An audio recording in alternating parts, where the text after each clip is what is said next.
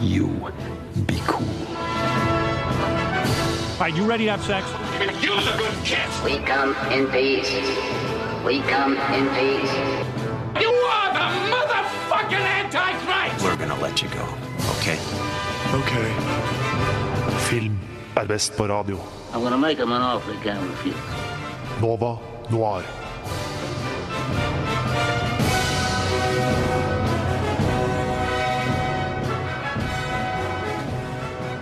God torsdagsmorgen, alle der ute. Nå er det Noir-sending. Mitt navn er Tage Rivas Tollefsen. Og jeg syns egentlig tekniker Ulrikke kan bare skru av den der introjingeren, for det er Superman-theme. Og vi skal ikke ha noe Superman-theme i huset i dag, for at denne uken så kommer Avengers Endgame ut. Ei. Og da er det selvfølgelig passende å ha Marvel-tema. Eller hva, Elise og Miriam? Det er jo eh, veldig passende. Eh, jeg eh, selv er en stor Marvel-fan, så da jeg eh, hørte om det her, så var jeg bare sånn sign me up. Jeg har masse å si. Jeg gleder meg til å preike om ja, Marvel og alt relatert. Det er jo kanskje en av de største filmbegivenhetene i år. Og det er skikkelig spennende. Jeg, på veien hit så så jeg en, Eller hver gang jeg går til Chateau Neuf, eh, hvor vi holder til, så er den store endgame-posteren, og den ser så praktfull ut. Ja. Ja, og jeg satt faktisk på kafé her om dagen og jobba, sånn som alle sånne folk sånn som meg gjør. Eh, og, så, og så satt jeg utover og så på folk som gikk forbi, og der var det en sånn gjeng med små, sånn, o- små gutter, holdt jeg på å si, unge gutter, som drev liksom og pekte på hver karakter. Bare sånn 'jeg er han, og du er han', og jeg bare 'å, hjertet mitt'.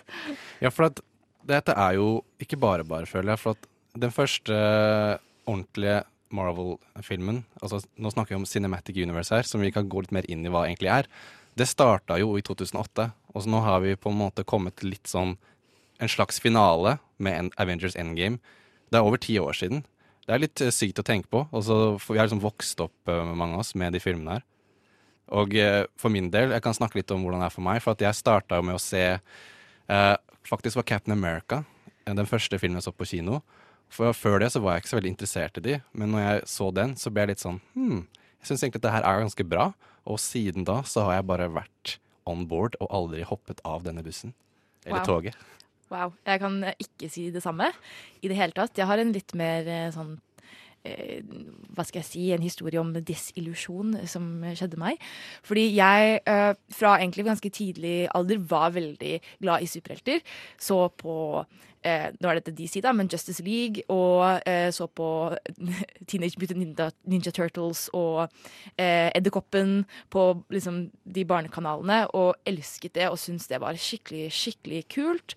Og eh, med X-Men og Spiderman, som jeg følte liksom på en måte kom, var liksom oppvarmingen til det vi skal snakke om i dag. Men, eh, og elsket de veldig mye. Så da Iron Man kom ut i 2008, så var jeg sånn wow, sykt kult! Og var skikkelig med på liksom Iron Man og Thor og liksom alle de filmene som kom.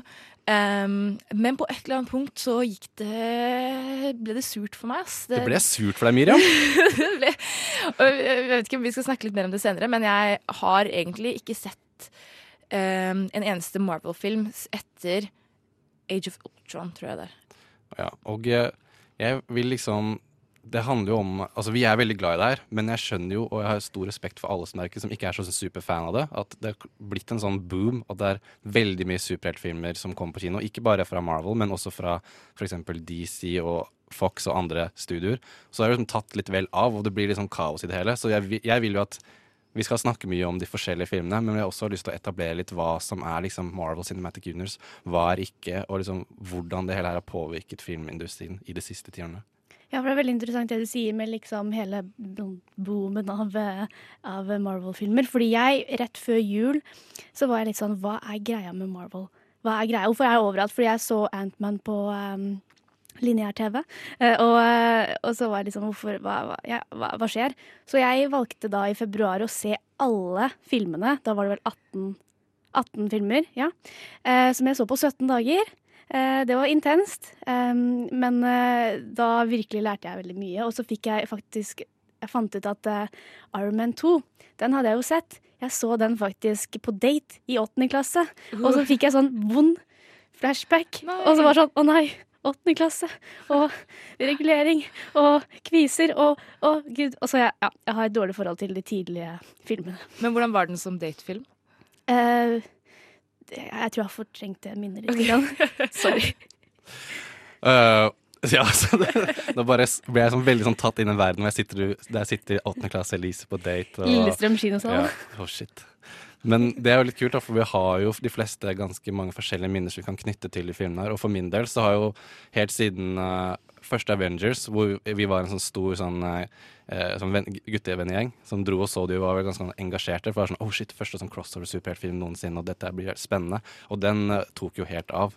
Og det var jo kanskje fra og med da at jeg var superinvestert.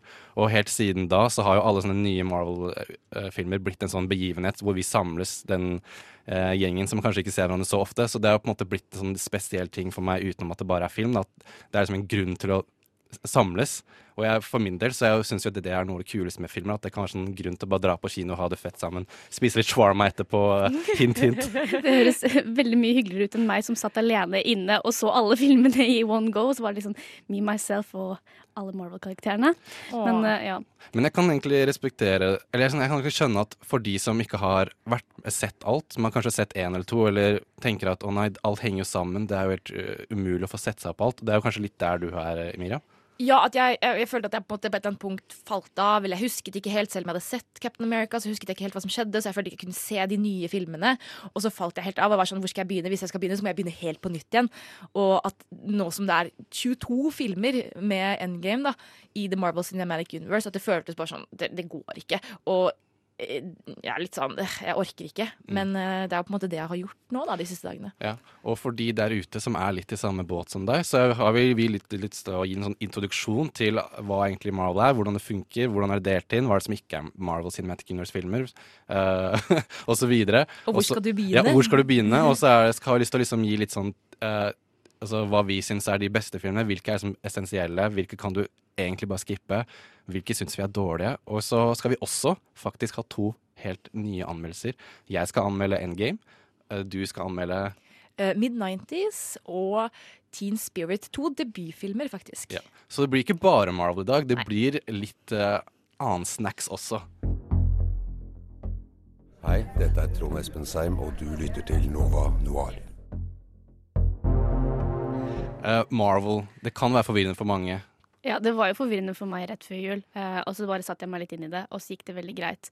Men eh, en ting som er veldig viktig å liksom notere seg, da, er at Marvel eh, filmfranchisen kom jo ut av det som tidligere har vært Marvel Comics, som er tegneserie.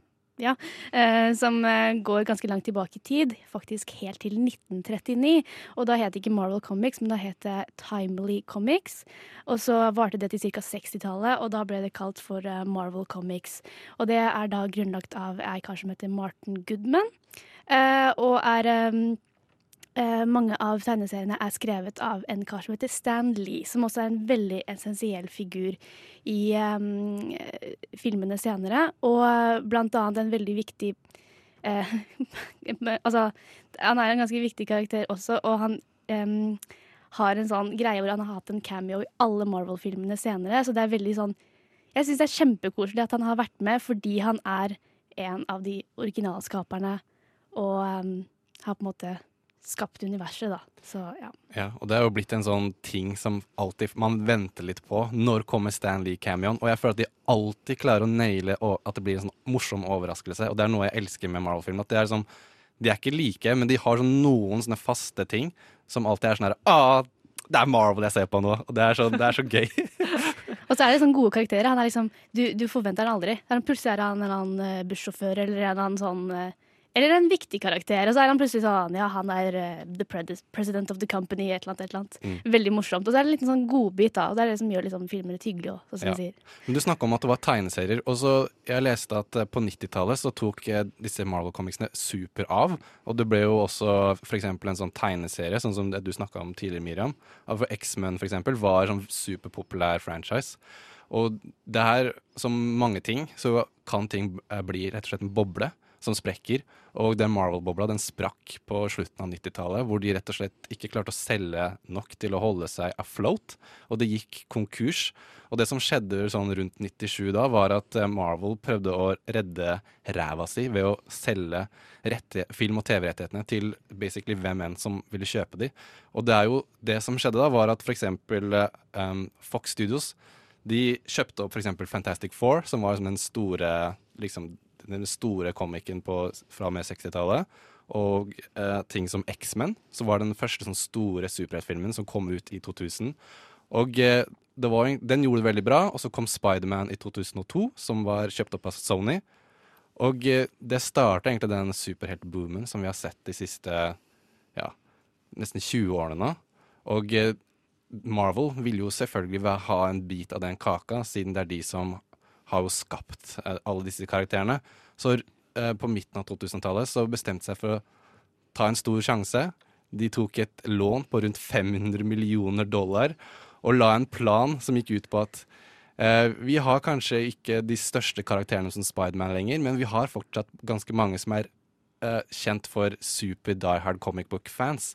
Så de lagde en plan hvor de skulle ha eh, etablere disse karakterene i ulike faser, og hvor hver fase, litt som en sånn TV-seriefinale, skal liksom møtes i en sånn crossover-film, altså Avengers, hvor alle disse heltene vi har blitt etablert, eh, eller som de er etablert, møtes og må slå seg sammen for å da eh, bekjempe en av sånn større trussel, da.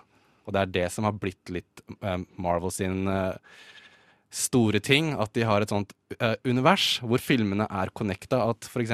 det som skjer i Captain America, har en tilkobling til det som har skjedd i Iron Man osv. osv.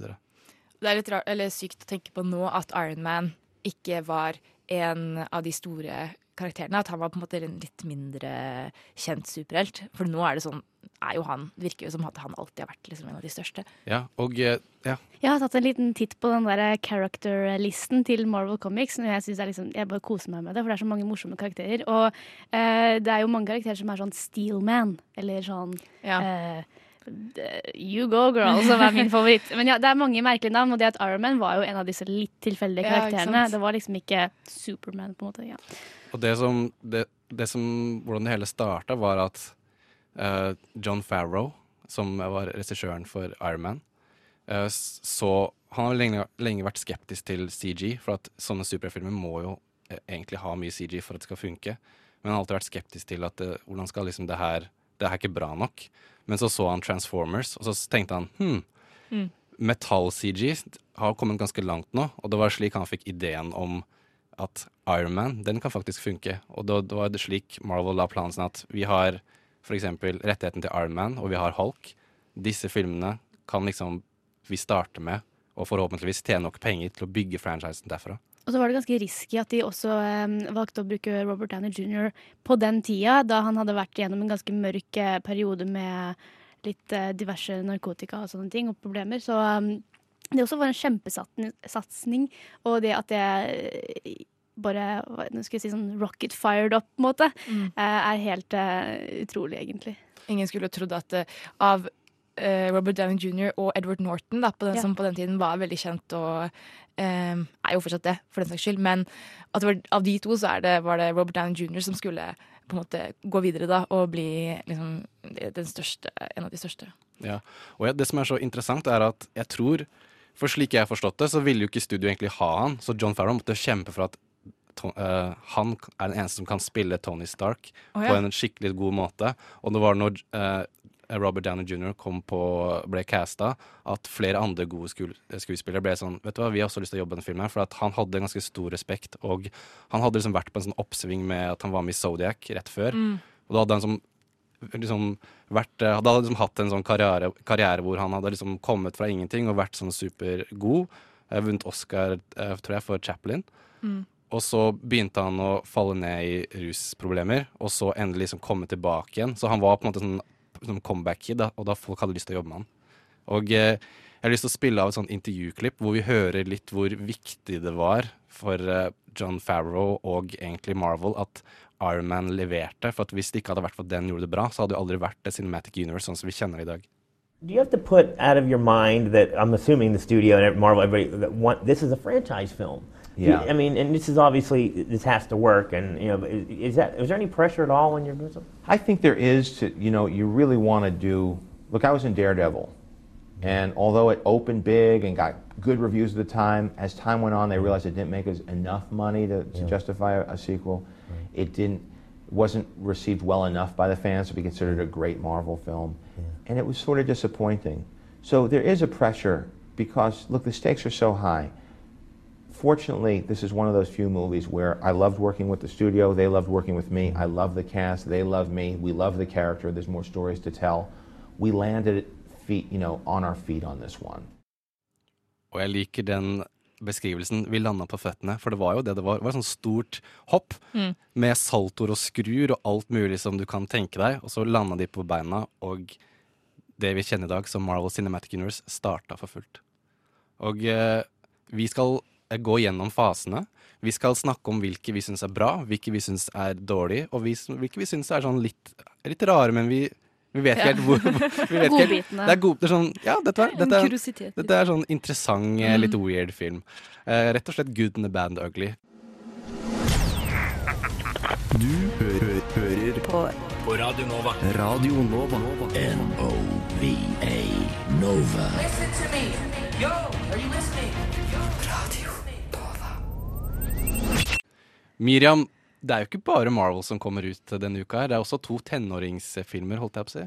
Ja, helt riktig. Og den eh, første av de som vi skal anmelde nå, heter Teen Spirit. Og dette var filmen som jeg trodde jeg skulle være for kul til å like, men som lærte meg en viktig lekse om å aldri ha forutinntatte, meninger basert på trailer.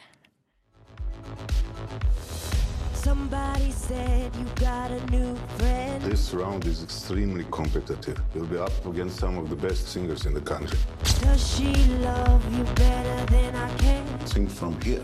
Mum, mum, mum. You can do this, Violet. Sing from your heart. Never dreamed I would make it this far.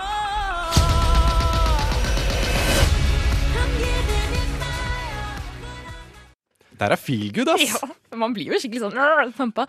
Så eh, min forventning var egentlig bare sånn eh, morsom film med, hvor Elle Fanning, Elle Fanning spiller eh, Eller synger masse poplåter. Men eh, den ble veldig mye mer enn det. Det er jo en debutfilm, og den er skrevet og regissert av Max Minghella.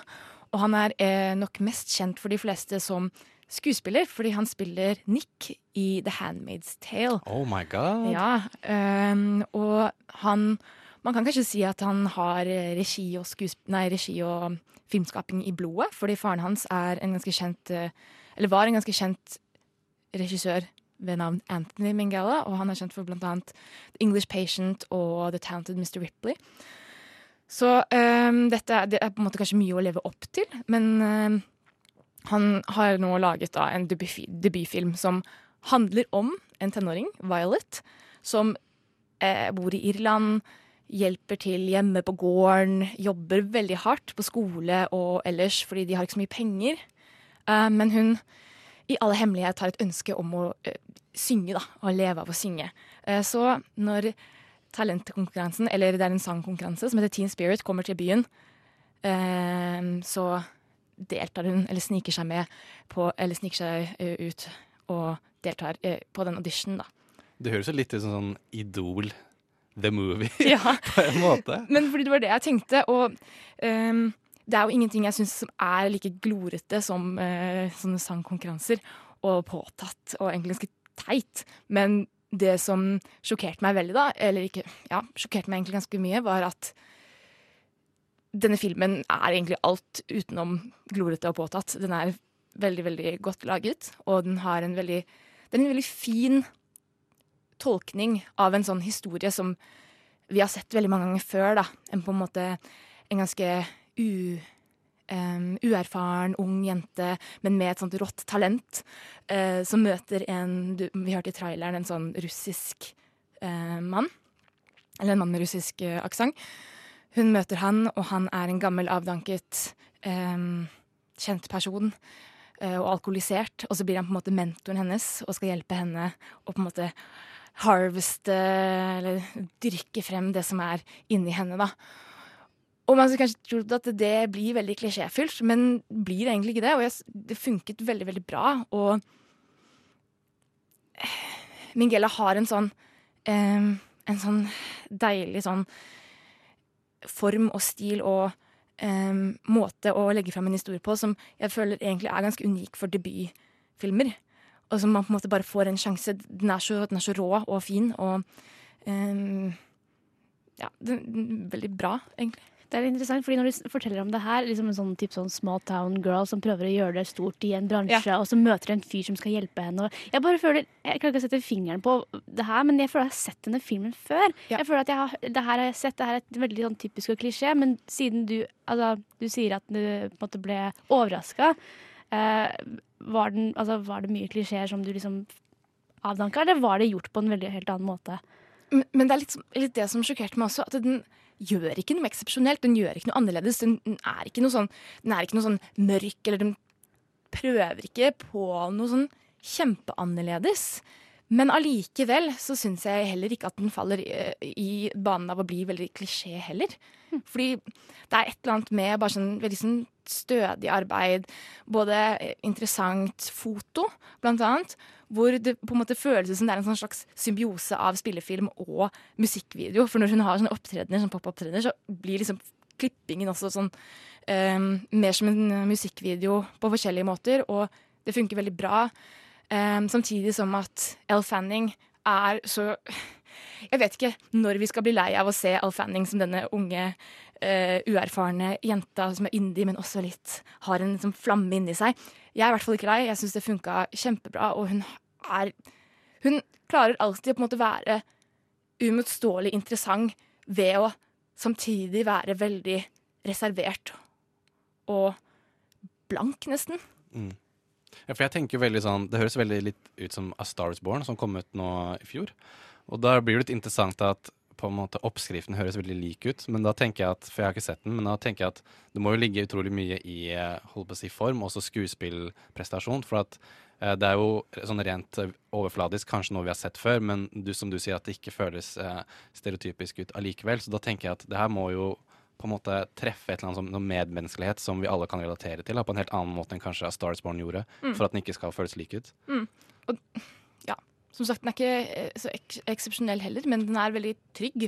Og det gode håndverket da gjør at den eh, egentlig er veldig bra, da. Mm. Og så er det noe med det Kanskje den treffer meg ganske eh, spesielt, da, men det med liksom Hun opptrer og synger sanger og er veldig eh, sårbar og ja, det er noe med popmusikk da, som liksom drar deg inn, og hun synger annet sanger fra Robin og, og Sigrid, som putta det over the top for min del. Så, okay, så det er sånn norsk bias her inne.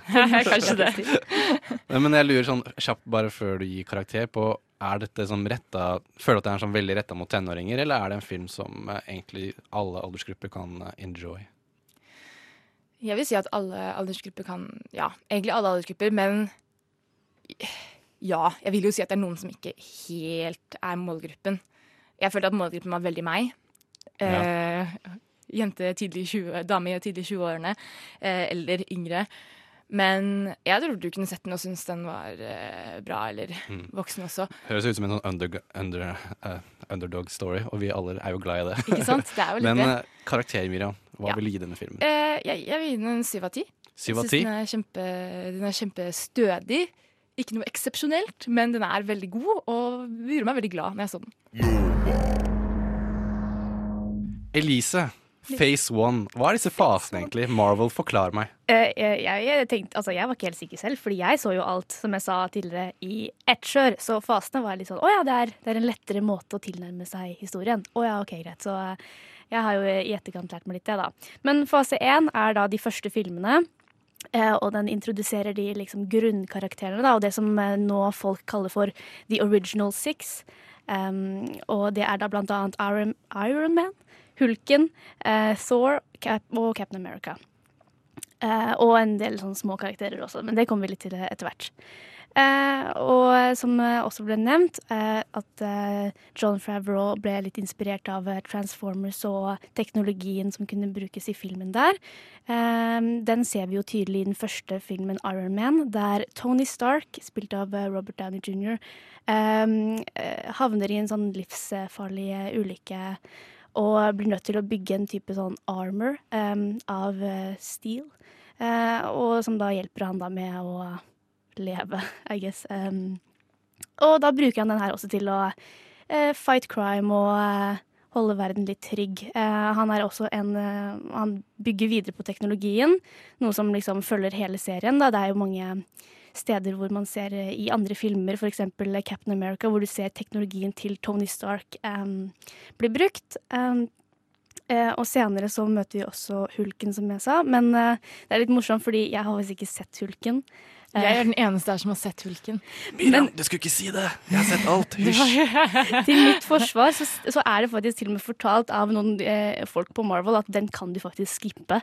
Fordi det er en annen karakter som spiller Bruce Banner i den første. Og det er ikke så relevant, annet enn at det er eh, bakhistorien til Det er én karakter som kommer igjen senere, og det er jeg husker ikke hva det heter, men det er en colonel som er med i den, som kommer tilbake senere. Så sånn sett så kunne man argumentere for at den er viktig, men ja, som du sier, det var jo Edward Norton som spilte um, The Hulk da, og den, Edward, nei, den hulken som vi uh, elsker og kjenner etter det, er jo Mark Ruffalo. Han er jo på en måte hulken i The Marvel Cinematic Universe, uh, og den er OK, jeg kan si det. Jeg syns den, den, den er grei. Jeg har sett den egentlig flere ganger, jeg vet ikke hvorfor. Men eh, det jeg vil utsette mest på den, er jo egentlig bare ja, Edward Norton og Liv Tyler, som bare er sånn eh, Passer ikke inn i det universet, og den filmen passer ikke helt inn i den tonen til resten, egentlig. Men man kan vel si at den er litt mer for sånn de som er litt mer Die Hard-fans, har lyst til å få alle Det er de som også f.eks. ser Marvel-seriene, da. Mm. Og Mm. ser eh, Shield, Agents of Shield, var det jeg skulle si. Ja. Men det som var litt eh, interessant, var at når John Favreau startet med han skulle lage Iron Man, så kom jo han som er sjefen for eh, Marvel Studios, Kevin Feige, og sa sånn Du, kan ikke du bare smelle inn sånn scene på slutten av filmen din hvor eh, eh, Cap nei, Nick Fury, spilt av Samuel Jackson, kommer inn på slutten og sier sånn Vi jeg driver og starter Avengers Mm. Initiative, og det er da fansen bare Oh my god! Er det, er det en større connection her? My mind is blown. Og fra og med da så har jo i hver film denne Nick Fury dukket opp og Ja. på en måte rekruttert en karakter eh, til denne da Avengers. Og det er litt slik eh, fasen er bygget opp. Litt sånn som TV-sesonger, hvor eh, det hele leder opp mot en sånn eh, finale. Og denne finalen i Phase One var jo Avengers, hvor de da for første gang Uh, måtte time opp litt uh, motvillig i enkelte tilfeller for å slåss mot en større trussel. Ja, og kan jeg nevne den trusselen? Kan jeg si det? Kan vi, kan vi gå litt inn på historien? Altså, jeg tenker sånn at Hvis du hører på det her, og du ikke er vi, altså, vi skal vel snakke litt om hva som er hva, men hvis du vil være helt uh, Hvis du ikke har sett noen ting, og du har lyst til å faktisk begynne fra starten av, så tror jeg ikke dette er helt er sendingen for deg. Jeg tenker at vi ikke- skal prøve å ikke si sånn Og så ender det med at han Nei. gjør det, dør, og så Nei da, men jeg vil bare nevne det at altså, Iron Man er jo bygd opp av en strømkilde som heter The Tesseract. Som er en essensiell del for hele um... Nei, The Tesseract er jo noe annet. Jo, er det ikke det blå? Nei, den blå kuben er The Tesseract, og det er den i um, Captain America som de nazistene finner. Men det er jo det som er basert på um, kilden til Iron Man. Nei, er det det? Jeg trodde det bare var en egen teknologi at de hadde laget. Men, eller basert Nei, jo, kanskje Howard Stark baserte den Å, wow! Nå knyttes det i hodet Oh mitt. my God, det var sånn, hodet Hva er det du snakker om? Det er ikke det. What? Welcome okay, eh, to the episode. Det er vi. Ok, Men du unnskyld. nevnte Iron Man og Hulk, og vi har også i de originale Avengers så har vi Thor, som er eh, denne tordenguden av norrøn mytologi. Alt er litt sånn lol for oss å se på de filmene, for alt er sånn å, velkommen, det er sånn ting er basert i Norge og sånn. Når de drar i Tønsberg i Ja. den uh, Captain America, den første, og så snakker de sånn norsk, og så er det sånn, ja.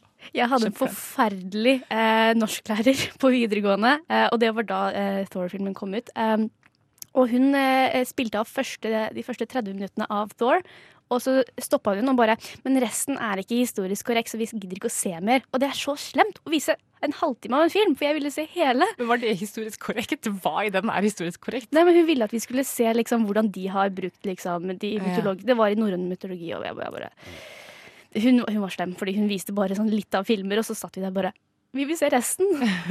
men ja, det er jo basert på mye riktig. Um, men de har jo tvika på det. Også sånn eh, at liksom Loki er Loki, og det er, liksom, det er jo litt sånn at det skal passe inn i amerikansk kultur òg, da. Mm. Det, er, det, er, litt rart for oss. Men uh, også i Captain Nei, holdt jeg på å si. Men i Captain America uh, så blir vi også introdusert til uh, Eller senere så blir vi introdusert til karakterer som Black Widow, spilt av Scarl Johansson, og også Hawkeye.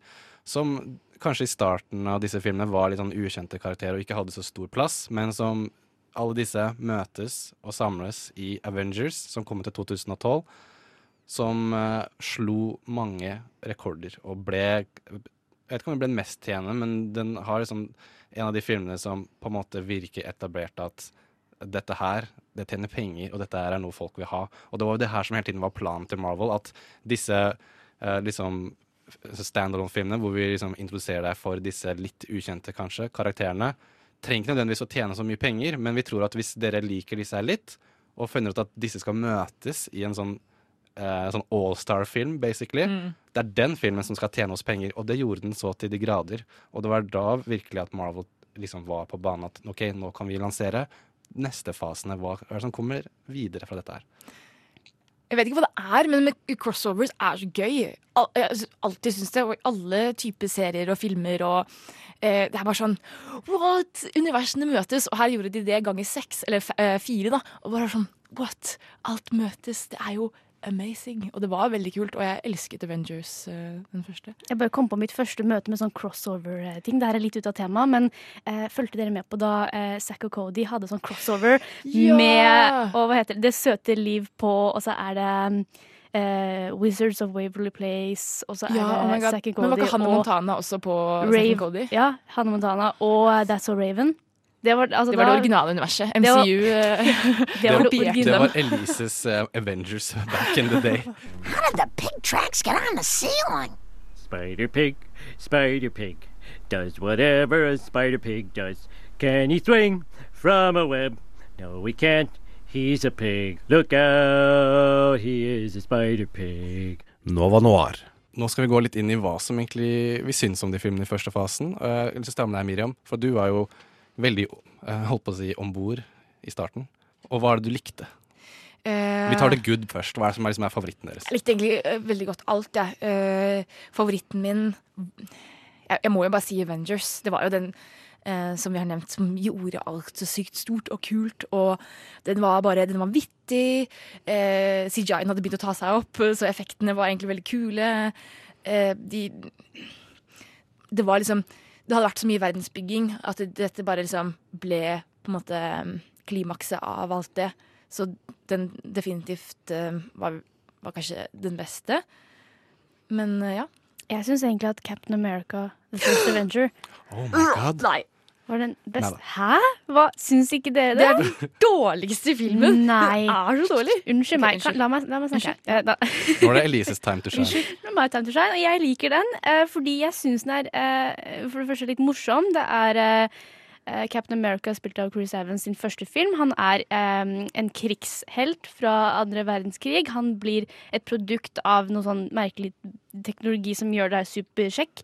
Uh, og så Og så er han litt sånn patriotisk, og han er bare så snill og god. Og jeg, jeg eh, koste meg da jeg så den. Og, men jeg har The Avengers på andreplass, som du snakka om. Fordi jeg liker veldig godt det når de møtes for første gang, og du har det, det når kameraet går rundt alle karakterene, og de står i sånn power-pose. Og det er så mektig. Jeg ble veldig dratt inn med det. Men jeg syns Captain America er ganske bra. Jeg er overrasket over Captain America, men jeg, jeg synes, når du sier det, så er det sånn Ja, den er bra, den òg. Men jeg må slenge meg litt på Miriam sin uh, båt. For at jeg syns også Avengers, den første Avengers, uh, var så utrolig bra. Og jeg har så, jeg har så godt minne fra da jeg så den på kino. Fordi det var liksom Det var da vi først fikk se Hulken igjen. Fra sist, vi hadde ikke sett han siden 2008. Og nå hadde vi jo bytta litt, liksom gjort om karakteren litt. En annen skuespiller som spiller han i sånn menneskelig form, holdt jeg på å si. Og jeg syns det var så utrolig mye god humor. Og Joss Whedon, som er kjent eh, fra f.eks. Buffy og Firefly. Alle nerders eh, helt. Han har sånn veldig unik og sånn snappy, morsom eh, stil, og han klarte å skrive ned på så utrolig morsom måte. Og jeg, jeg følte at det som gjorde noe ekstra kul, var at de var ikke nødvendigvis venner. Men de måtte liksom finne ut hvordan de skulle jobbe sammen. Og jeg synes det var så kult, for at du har liksom sett hvordan Thor bruker hammeren, Captain America bruker skjoldet. Så plutselig ser du at de liksom teamer opp og eh, på kreative måter bruker disse tingene de har sammen. Og Ja. jeg synes det bare var sånn der, Jeg fikk sånn der nerd-gas som bare Oh my god, det er så kult! Bruke hammeren og skjoldet! Det høres så teit ut, men du sitter der i salen og bare Yes, ass! Dette Og er når uh, Captain America og Iron Man er sånn krangler og er sånn vifter med Eller måler penis, Ja. eh, hva hva man sier. Eh, Tidskonkurranse. Og, eh, og så er det bare sånn å nei! Og så må de kjempe sammen og hjelpe hverandre og eh, ja, venner. Jeg elsker når folk er venner. Men så er det liksom Hvis jeg snakker om the good, hva er det som er the bad?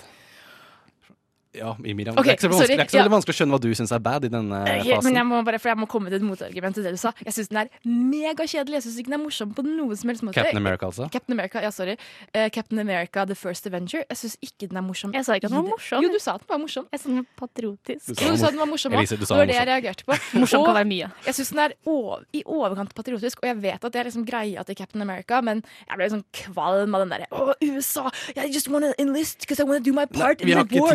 Counter-arguments. Og så, eh, og så er han verdens kjedeligste karakter, og skurken er superlame med det røde ansiktet og bare sånn er så utrolig sånn Wow, Jeg skjønner okay. at det er en tegneserie basert på en tegneserie, men ah, please, den er kjempelame. Jeg må ett forsvar her. Ok, ett De- forslag. Filmen gjør jo narr av hele det opplegget. Han blir jo satt på en sånn teaterforestilling for barn, og blir liksom satt sånn ah, Se, jeg er liksom denne karakteren eh, liksom kjøpt opp og kommersielt i tusen altså han, De gjør jo narr av det òg. Men det er jo Ja. fortsatt megapatriotisk. Ok, unnskyld. Miriam, jeg vet du har Det er sarkastisk.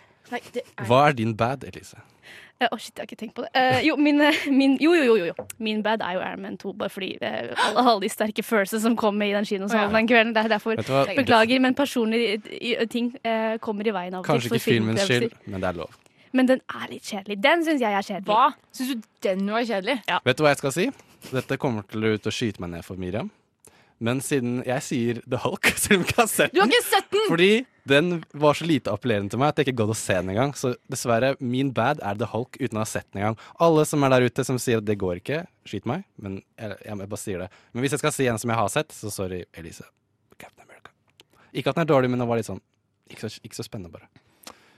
Weird. Ja, greit. Jeg vil bare si med en gang min weird Thor. Nei, Første gang de dro ut i verdensrommet, det var spasa, men det skulle liksom, de spilte på det. Han kommer fra Asgard ute i verdensrommet, kommer til jorda. Han er litt sånn uh, Tarzan i, på, i byen. Kommer inn i en butikk. I want a horse. Han Det er det morsomste. Uh, det, jeg er egentlig litt enig. Jeg likte Thor når jeg så den igjen nå, mye mer enn jeg husket at jeg gjorde. Og jeg syns den egentlig bare er veldig morsom.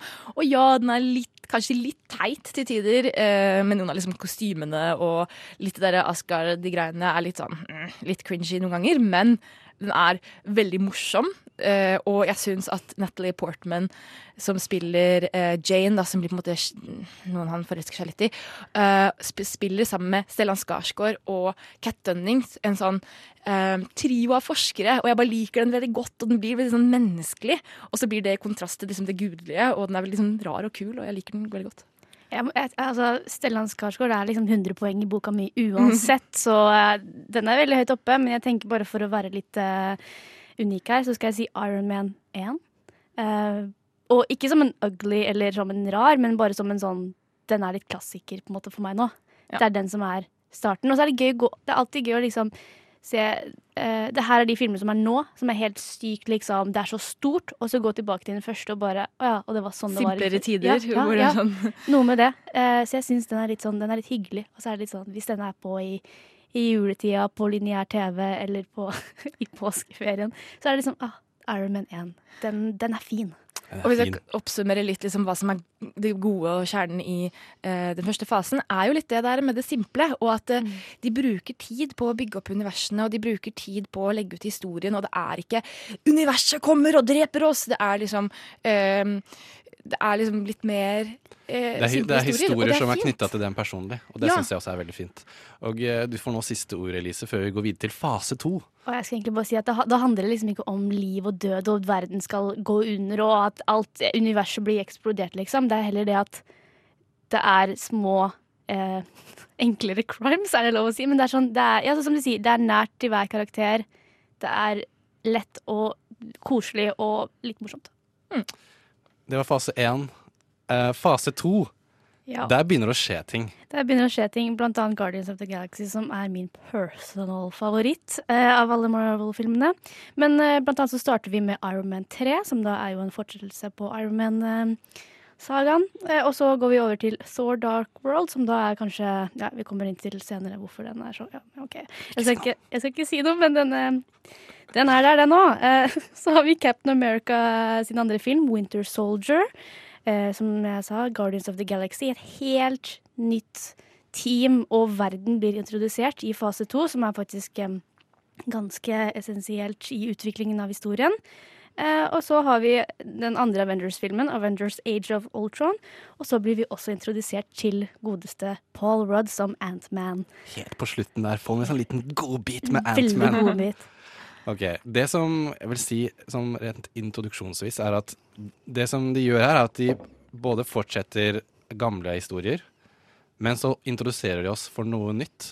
Mm. Altså da for eksempel Guardians of the Galaxy, og også Ant-Man. Og jeg har lyst til å eh, trekke fram det jeg syns kjennetegner denne fase to litt, er at eh, hvor de kanskje spilte det litt Altså de egentlig ikke, men de spilte det litt safe i fase én med å bare ha sånne origin stories. Mens som er liksom karakterer som er litt mer jordnære her på jorda, som vi kan eh, relatere til eh, i liksom hvor de befinner seg osv. Litt med unntak av Thor, når han er oppe i Asgard i verdensrommet. Mens i fase to, Guardians of the Galaxy, det var jo helt ukjent, kanskje både for altså vanlige filmgåere, men også comic book-fans. Altså Guardians of the Galaxy var egentlig en litt sånn absurd, sånn spacey, rar liksom s- verdensromgjeng som går rundt og er litt sånn Ikke nødvendigvis helt gode, men også eh, ikke helt slemme heller. Men den, er, den funker. Og så er det jo eh, hovedstjerna Chris Pratt som spiller Starlord, som også på det tidspunktet eh, var veldig on the rise og hadde mye godt rundt seg. Og folk elsket han, og det at han spiller en sånn morsom eh, karakter som liksom er superironisk og refererer til sånne der popkulturelle referanser. Og folk blir sånn ah, Jeg relaterer veldig med han, men ikke med denne liksom alien-figuren, på en måte. Men han er morsom, han òg. Det funker. Er en veldig god dynamikk i det teamet. Um, og veldig god eh, Hva heter det? Soundtrack. Ja. Ja, Veldig god soundtrack. Jeg tror det var litt viktig at det gjorde den karakteren til en sånn fyr som eh, er liksom tatt fra han er fra, I den filmen så er han en helt vanlig menneskelig person som er tatt fra jordkloden, liksom oppsugd opp i et romskip. Så plutselig ser han mange år seinere, men han er voksen. Men så har han fortsatt sånn kassettspiller med gode klassikere fra liksom eh, eh, vår, vår verden. Og det på en måte knytter litt til eh, ting som vi kan relatere til, som er sånn gode sånn klassiske 70-80-tallslåter. og da blir det på en måte ikke sånn helt farfetched allikevel, siden vi har denne menneskelige karakteren som vi kan liksom holde oss litt med. Men så blir vi introdusert til masse annet rart som eh, funker kjempebra. For at jeg syns James Gunn leverte så utrolig godt den filmen, spesielt humoren, men også det at den var en på en måte sånn ny sjanger. Det var nesten sånn, der, sånn space opera, litt à la Mm. Star Wars. Mm. Og jeg tror det gjorde at den ble så populær, for det var liksom Star Wars-filmen som alle hadde liksom litt lyst på, men som ikke visste kom til å komme. Og en annen ting er eh, når, eh, når Starlord og gjengen hans på en måte eh, blir med resten i Avengers senere. Nå prøver jeg liksom å gå veldig rundt, rundt grøten her, men så blir jo det kjennetegnet veldig godt merket. Eh, Avengers er veldig seriøst, og så plutselig kommer på en funky beat, og alle vet at nå kommer Starlord. Og det er på en måte hans greie, og det gjør det veldig koselig og ja, bra. Men Miriam, for du sa jo litt tidligere i sendingen at det var Age of Ultron som gjorde at du fikk en sånn sur smak i munnen. Mm. Og jeg lurer på litt, hva betyr egentlig denne fase to for deg, siden det var liksom her du hoppet av bussen og sa nei takk, dette her stinker? Ja, For meg så ble det veldig mye av det samme, utenom Gardens of the Galaxy og Ant-Man, som jeg tenker på litt mer som sånn eh, utstikkere som jeg egentlig ikke tenkte på som en del av det universet helt ennå. Eh, men det ble veldig mye sånn Ja, Iron Man 3, den kom ikke med noe nytt for meg. Eh, Thor Dark World var litt sånn altså det, det, Og så ble det så fragmentert, og det ble så mye. Og så var det sånn OK, da prøver vi på en sånn Avengers-film igjen, men den gjorde liksom litt av det samme. Og det var liksom egentlig bare en sånn stor nedtur. Og når jeg hørte om da at de skulle eh, Å, nå skal det komme en ny film med det, og en ny film med det, og enda en film der, og vi skal lage tusenvis av filmer, med hver skal ha sin historie, og så skal det øh, Liksom. Og så er det eh, Ja. Så jeg fikk litt sånn avsmak av at det ble så stort, og at Ehm, det føltes ikke ut som en Jeg, jeg klarte i hvert fall ikke å kjenne på helheten lenger. Og det ble liksom nesten litt sånn for mange eller, eh, jo, jo flere kokker, jo mer søl-type for meg. Ja, absolutt. Jeg tror, føler at, liksom, at de tenkte her at nå må vi bare melke historien før vi faktisk kommer til poenget i fase tre. Mm. At her bør man dra det litt ut, legge, legge litt mer dybde i det. Men så blir det jo sånn du sier, det blir på en måte litt mye, litt kjedelig. Liksom, man faller av på en måte. Ja, for jeg tror at de merka at det vi har liksom litt sånn løst og vagt eh, på en måte setter opp til i første fase, det, de har liksom fått selvtilliten, men så har de liksom eh, For å sette opp alle disse tingene, så trenger man i hver film litt sånn, eh, sånn ja, rett og slett setup, som kanskje har gått litt i vekk fra det som den, hver, eh, hver film prøver å fortelle. Og jeg tror det mange av filmene lider litt av at de setter opp til det som kommer, og derav kanskje ble litt svakere filmer i seg selv, da. Og jeg ble litt sånn ehm, Det jeg liker å kalle eh, supernatural-syndromet. Hvor um, For de som ikke har sett Supernatural, så er det en veldig lang TV-serie på jeg vet ikke, 15 sesonger eller noe, eller noe som startet med liksom to brødre som uh, kjempet mot uh, spøkelser. Og så, bare uh, etter eh, første sesong, så uh, kjempa Eller så defeata de uh, kjip fyr. Og da, liksom, da måtte de ekspandere, og så ble det større og større. og større. Fordi at når du, Først når du har drept et menneske, og så neste gang så er det oi, nå er det en demon, og nå er det noen som er enda verre og enda verre, og enda verre, og det blir bare større og større. og større, eh, Helt til det sånn å, nå er det en krig i himmelen mellom Gud og djevelen og englene. og eh, liksom, At det ble bare sånn wow. Og det føler jeg litt er litt samme eh, her, da. At de må hele tiden toppe seg selv. Og når Avengers var liksom wow, kjempestort, et annet univers, og det var sånn, de klarte nesten ikke å slå dem, men så gjorde de det. Neste gang måtte det være enda større i Age of Ultron. Og så var det sånn å, nå skal vi ha Infinity War og hele universet, og det bare blir sånn derre wow. Og det, for meg så da mister du helt Du mister den nærheten, og jeg mister helt begrepet og liksom Jeg føler ikke at noe er på spill lenger, for det er for stort. Det er nesten sånn at den, man klarer ikke å se det for seg, fordi det, eller man klarer ikke å bry seg, for det er så stort. da. Mm. er det jeg følte litt. Det var det du følte, men Men samtidig ikke Jeg skjønner veldig godt det du eh, forklarer nå. Jeg også, da jeg så alt i ett sjøl, så ble det veldig sånn Å, herregud, så, så mye det her blir, på en måte. Så nesten litt slitsomt. Men samtidig, eh, der vi er nå i historien, så føler jeg at man har på en måte skapt en Skapt et forhold til de originale karakterene. Og når Det er ikke bare at verden står i fare. Når karakterene står i fare Nå prøver jeg ikke å si noe. Da blir man på, rørt, og liksom Ja, du mener nå i Infinity War? Ja. fordi, eller etter Infinity War og så Ragnarok. Men uh, ja, så det var i hvert fall veldig følelsen jeg satt etter, etter Age of Ultron. Og jeg tror kanskje det er litt definerende for den perioden også. At den ble litt sånn og så blir man sånn «Eh, Hvor skal det gå? Eh, så jeg trenger egentlig bare å bli overbevist om å For jeg har ikke sett noe i fase tre. Så jeg trenger egentlig å bli overbevist om at de tar seg opp igjen, da. vet du hva? Jeg skal overbevise deg, Miriam, for at vi skal snakke om hva vi syns er bra, dårlig og sånn Jeg vet ikke helt. Nova Noir fordi film er best på radio. Fase to. OK, kan jeg få til å starte? Absolutt. Fordi det her er det vanskeligste valget for meg. For jeg syns det er noen filmer her som er så utrolig bra i denne fasen. Og da vil jeg liksom si at du nevnte Guardians of the Galaxy. Ja. Jeg elsket den, men min favoritt fra fase to er Captain America Winter Soldier. Oh. Og grunnen til det er at jeg følte at den gjorde noe som jeg ikke forventa i det hele tatt, og det var å snu ting litt på hodet. For at det er jo noe som de bygger opp i disse filmene, er jo den herre Agent Shield, som er en slags sånn herre slags superhelt CIA-gjeng. Men så, får, så blir denne filmen en slags sånn spy-thriller med konspirasjoner og ting som knytter seg til tidligere filmer, og kanskje denne Agent Shield ikke er det du trodde det var.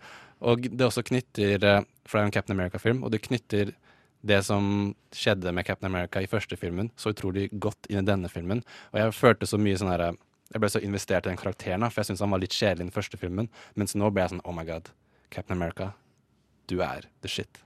Så han blir redeema fra Du sa jo at det var den dårligste, kanskje, i fase én. Captain America, The First Avenger. Ja, og jeg tror også at fordi at uh, i fase én så må de på en måte ta, det, ta seg tid til å fortelle the origins, mens i, fase, i oppfølgerne så kan de på en måte OK, du kjenner karakteren, du kjenner verden, du vet litt hva den personen er om.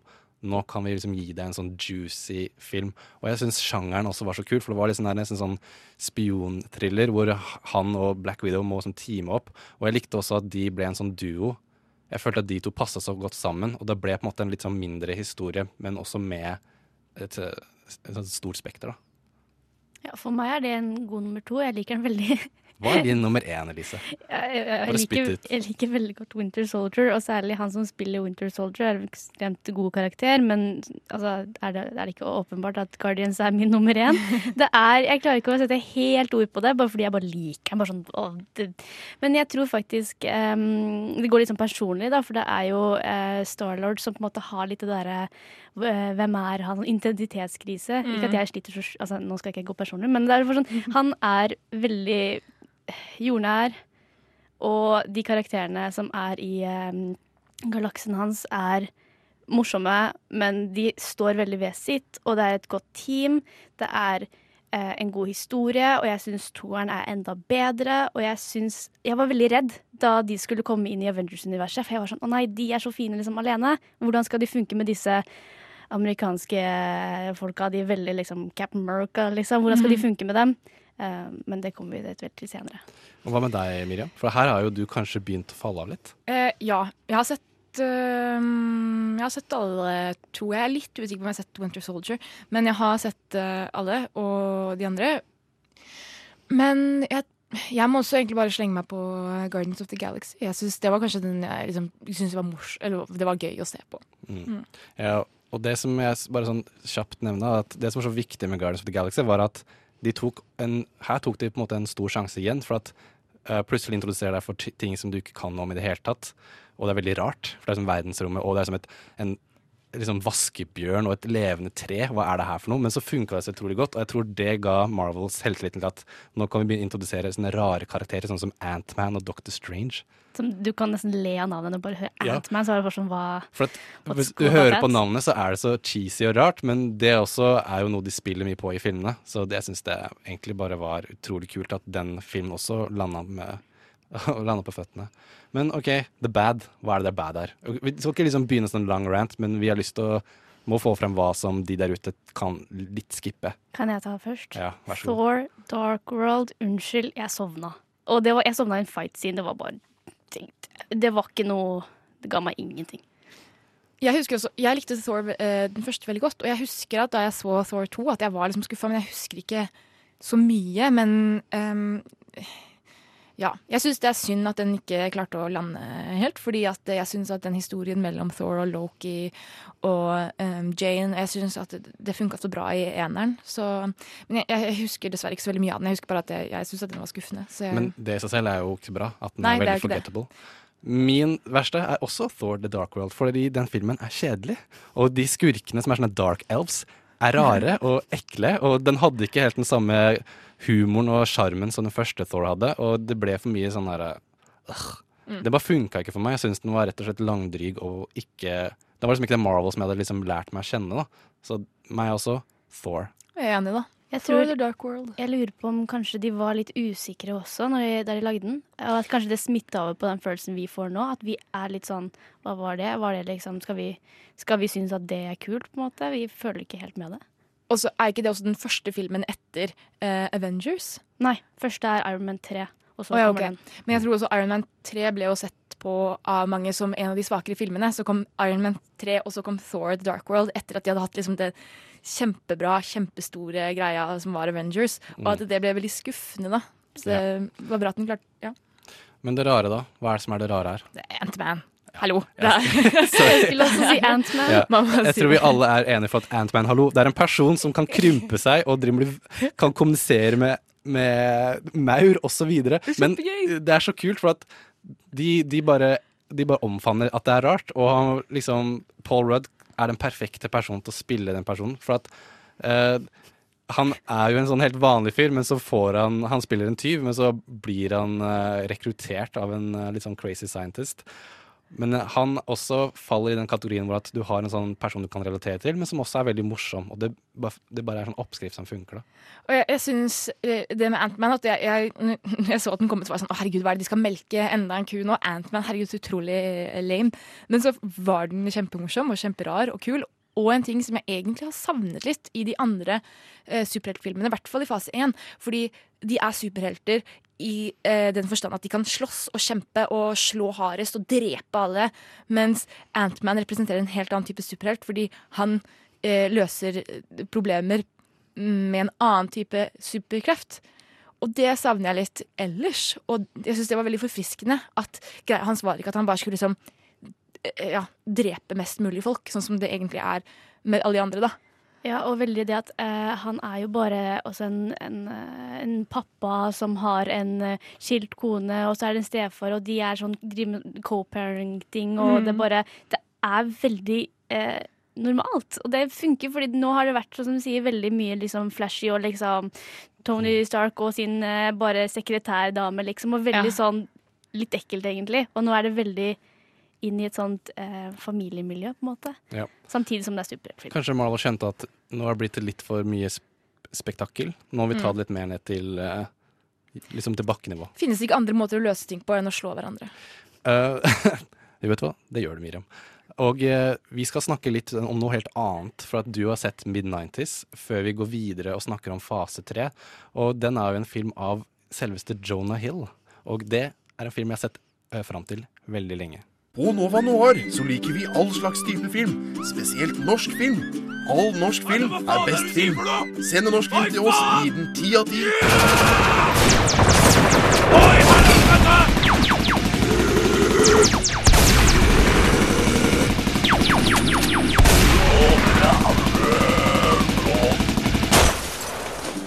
Nå Noir.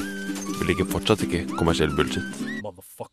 Miriam, Jonah Hill er en person som vi har elsket i mange år fra hans mange prestasjoner, både komedisk og blitt mer alvorlig, eh, dramatiske roller i det siste, og nå som regissør. Ja, han har eh, nå regissert og skrevet sin første spillefilm, Mid-90s, hvor eh, vi ser en coming of age-skildring om en ung gutts ønske og forsøk på å finne sin identitet blant en gjeng med skatere i Los Angeles på 90-tallet. Think you're pretty cool. You good? Your ghetto ass friends. You're just a little kid. You alright? A lot of the time, we feel like our lives are the worst. But I think if you looked at anybody else's closet, you wouldn't trade your shit for their shit. So let's go. That's why we ride a piece of wood, what that does to somebody's spirit. So cool.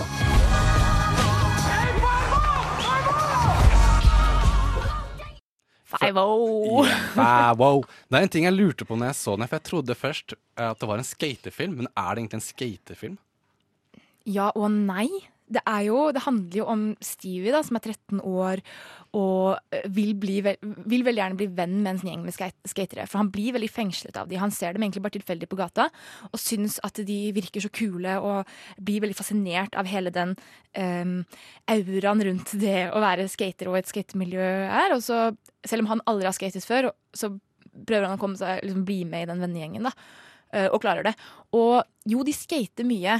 Og jeg vil si at det er en film om skating i den forstand at det er en film om det samholdet og um, på en måte den der litt der fuck samfunnet uh, Hva heter det? Mentaliteten som, er, som, var, eh, som var veldig karakteristisk for skating på 90-tallet. Ja, for det var jo um, Vi tenker at skating er veldig sånn mainstream nå, men det jo, på 90-tallet var det ikke det hele tatt. De ble jo sett på som folk som skater, var sånn kriminelle og pøbler, basically. Ja, ikke sant? Og det er jo litt kult uh, i en sånn type historie, for jeg ser for meg at folk som har lyst til å bli skatere, liksom, kan liksom føle seg litt som utskudd i, i det, bare det, sånn som de er i samfunnet allikevel. Og da, da de kan liksom gå inn i skatemiljøet Da liksom finner liksom sin flokk ja, da, i en andre folk som også er sånne outcasts. Og det er det, den- skildrer det veldig veldig godt. Og Stevie, tro, jeg tror han, det virker som han føler seg litt som et outcast. Han, familiesituasjonen er ikke helt ideell. Han har blant annet en storebror som banker han veldig mye og ikke er noe hyggelig mot han, og en mor som er litt fraværende, og ikke noe far, i bildet i hvert fall, som vi vet om. Og ehm, er kanskje litt ensom, og finner da denne gjengen med veldig kule, tøffe gutter. Uh, som han på en måte i det leter etter sin identitet. Fordi det er jo sånn når man er 13 år at man det er jo liksom, det er så sår periode hvor man ikke vet hvem man er, man, men man har en sånn kjempetrang til å være noe, og kanskje i det være kult, eller være kul.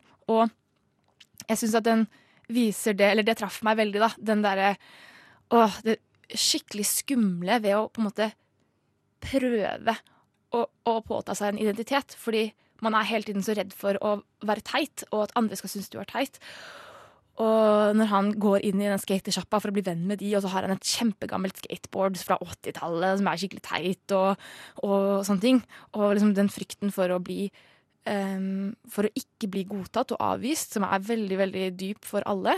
Men samtidig kombinert med den trangen til å være en del av noe, da. Det syns jeg eh, denne filmen klarer veldig, veldig, veldig godt. Så jeg er litt interessert i Jonah Hill. Liksom, han er jo uh, en person som man ikke skulle tenke seg kunne, skulle liksom lage en sånn her film. Uh, overrasket deg når du så filmen at wow, shit, Jonah Hill. Ja, veldig. Um, vi vet jo at han, er, kan, han spiller jo ikke bare humor. Han har jo blitt Oscar-nominert to ganger for, med dramatiske roller.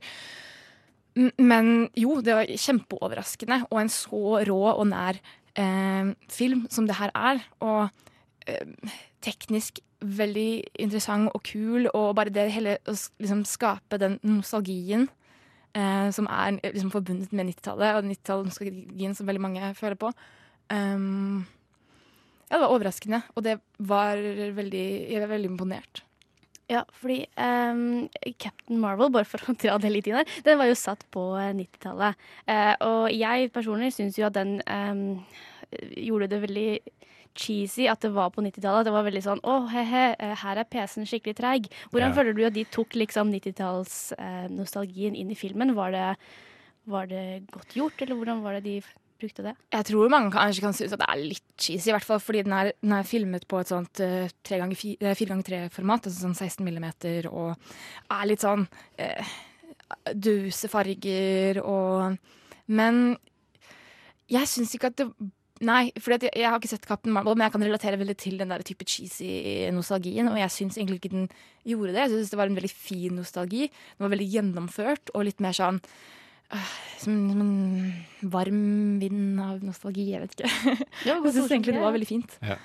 Men eh, altså, hva, hva vil du gi den filmen? For at det høres ut som du er veldig positiv til den. Ja, jeg syns at den er kjempefin, og jeg syns at den har eh, litt det samme som jeg snakket om Teen Spirit i stad, som også var en debutfilm. Den har liksom noe av det derre eh, som jeg føler jeg bare får fra debutfilmer. Et eller annet sånn Den derre sulten. Bare, Ja, ja, jeg vil er levere noe bra. det. Dette er mitt første, det er min Ja. sjanse til å liksom skinne. Akkurat. Og både på grunn av hovedkarakteren, som er spilt av eh, Sunny Sejic, Uh, som er kjempeflink, og han er 13 år på ekte, og den er bare så Han fin. Og, Han spiller i A Killing of a Sacred ja, Deer. han spiller Bob. Ja. og ja, nei, så den er bare veldig, veldig bra. Jeg vil gi den åtte av ti. Oh shit, Åtte av ti. Vet du hva, Det varmer hjertet mitt, for at jeg tenkte at Jonah Hill Jeg ønska alt godt, og jeg, denne filmen ser så bra ut.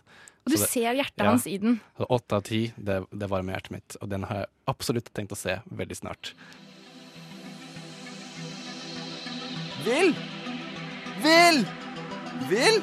Venner lyver ikke. Elleve? Ikke hold denne nysgjerrighetsdøra lukka. Jeg elsker eggovafler!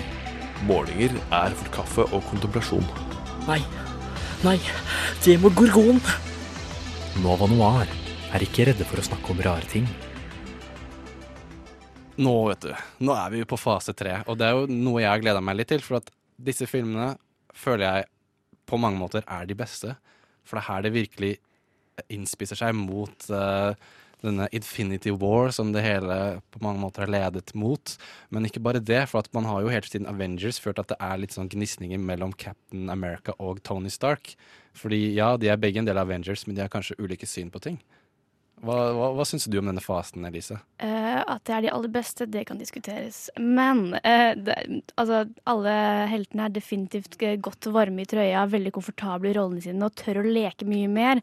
Eh, vi møter bl.a. Captain America i Civil War, og så får vi en ny karakter, Doctor Strange. Deretter kommer Guardians sin andre film, Wool 2, Spiderman Homecoming med Tom Holland. Endelig kommer liksom Spiderman inn nå. Det var liksom en greie. Ja, endelig er han med. Og så Thor Ragnarok, som er også en ja, fantastisk film. Vi ble også eh, møtt med Black Panther, som har gjort det ekstremt godt um, på mange måter. Oscar-nominert. Ja, ja. Det vant en del Oscar og ble nominert til sånn syv eller noe sånt Oscar. Blant annet Best Picture, Ja. som er ganske sykt for en tegneseriefilm, liksom. Ja, Og absolutt. så- Og så får vi Infinity War, Captain Marvel og nå Endgame, som er da de aller siste. Og det er ganske mye på de siste årene her nå. Eh, og ja Jeg vet ikke, Det er så mye, fordi det er liksom ganske tunge filmer nå. Fordi det er det jeg føler at fase 1 og 2 har da bygd opp til. da. At det var, ganske, det var enklere tider, men nå, nå er det seriøst. Nå er det Nå må faktisk Og jeg likte at, for at Civil War er den første filmen i denne fasen, og det den gjør er jo noe man kanskje ikke forventet, var å splitte de i på en måte to sider. At eh, noen støtter kanskje Tony Stark sitt uh, perspektiv på ting, mens andre uh, støtter uh, Captain America. Og da blir det en sånn clash, bokstavelig talt, mellom de. Og det er jo noe som mange også har sett fram til, for det er også en sånn veldig sånn stor historie i, for de som er kjent med tegneseriene, at Civil War, hvor man kan som har tidligere sett alle på samme lag, mens nå plutselig ser man de kjemper mot hverandre, og da blir det ofte sånn her, oh shit, hva, hvem vinner av eh, liksom Captain America mot Tony Stark, hvem er sterkest av Black Widow og, eh, Scarlet Witch, liksom?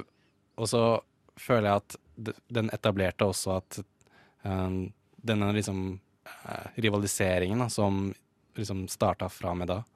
Og det har jo preget alle filmene, egentlig, fram til nå, Infinity War, hvor de kanskje måtte møtes, eller samle seg igjen.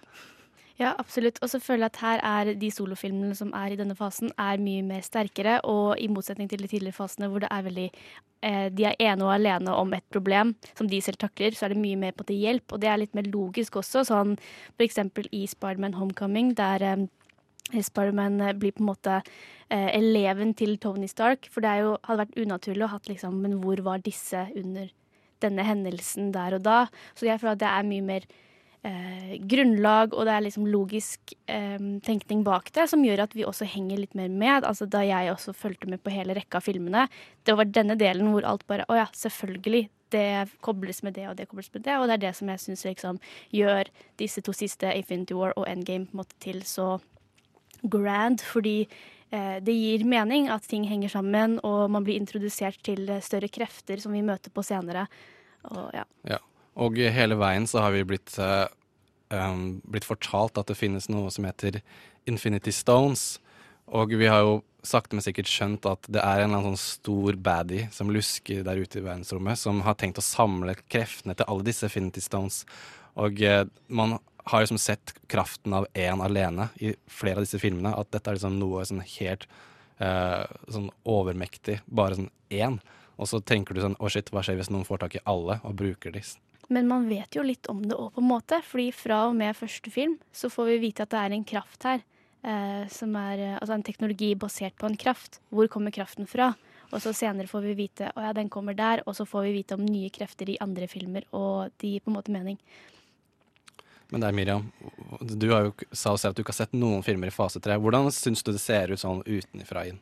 Um, jeg syns det ser ut som veldig mye. Det er jo den fasen med absolutt flest. Det plutselig så er det nesten dobbelt så mange filmer som i de to andre fasene.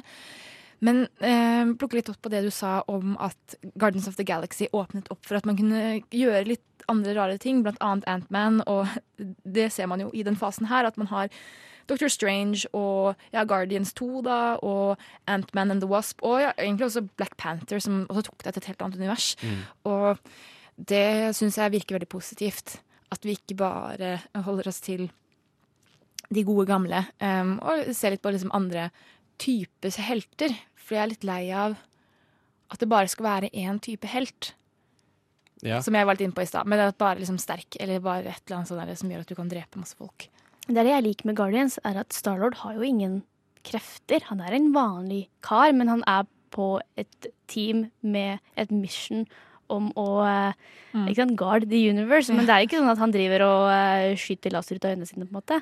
Det er en, det er en eh, Kraften er på en måte godheten hans. da. Ja. Og Dr. Strange er også litt annerledes, eh, antar jeg. At han er mer sånn han er en annerledes type helt. Da. Han bruker litt magi og litt sånn Mm. special things. Ja, for at de tidlige filmene er jo sånn OK, du, hvis man, de er på en måte litt mest sånn simple Det At de er bare så sterke folk. Liksom, kraftige. Sånn Captain America, kjempesterk.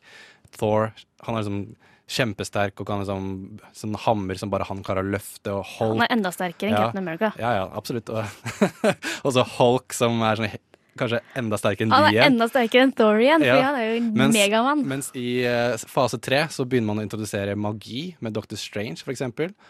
Som også er liksom eh, en helt sånn annen side av det. Han er jo ikke sterk i det hele tatt, men han er veldig sterk in the mind. Ja, og han Så blir det sånn det, I fase tre så klarer du som å se sånn OK, hva skjer hvis noen veldig sterke folk skal slås mot en som bare kan gjøre sånn Litt sånn eh, Voodoo-greier. Sånn la-la-la-la, forsvinn du, gå bort nå. Og det sånn, Jeg føler at det introduserer en sånn helt ny dimensjon da, til det hele.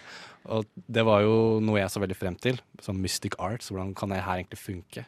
Og det knyttes jo også veldig inn da, mot eh, den på en måte fin finalefilmen, eh, del én, som er Infinity War, hvor da den store skurken som vi har luska i end credits i alle filmene, basically, Thanos.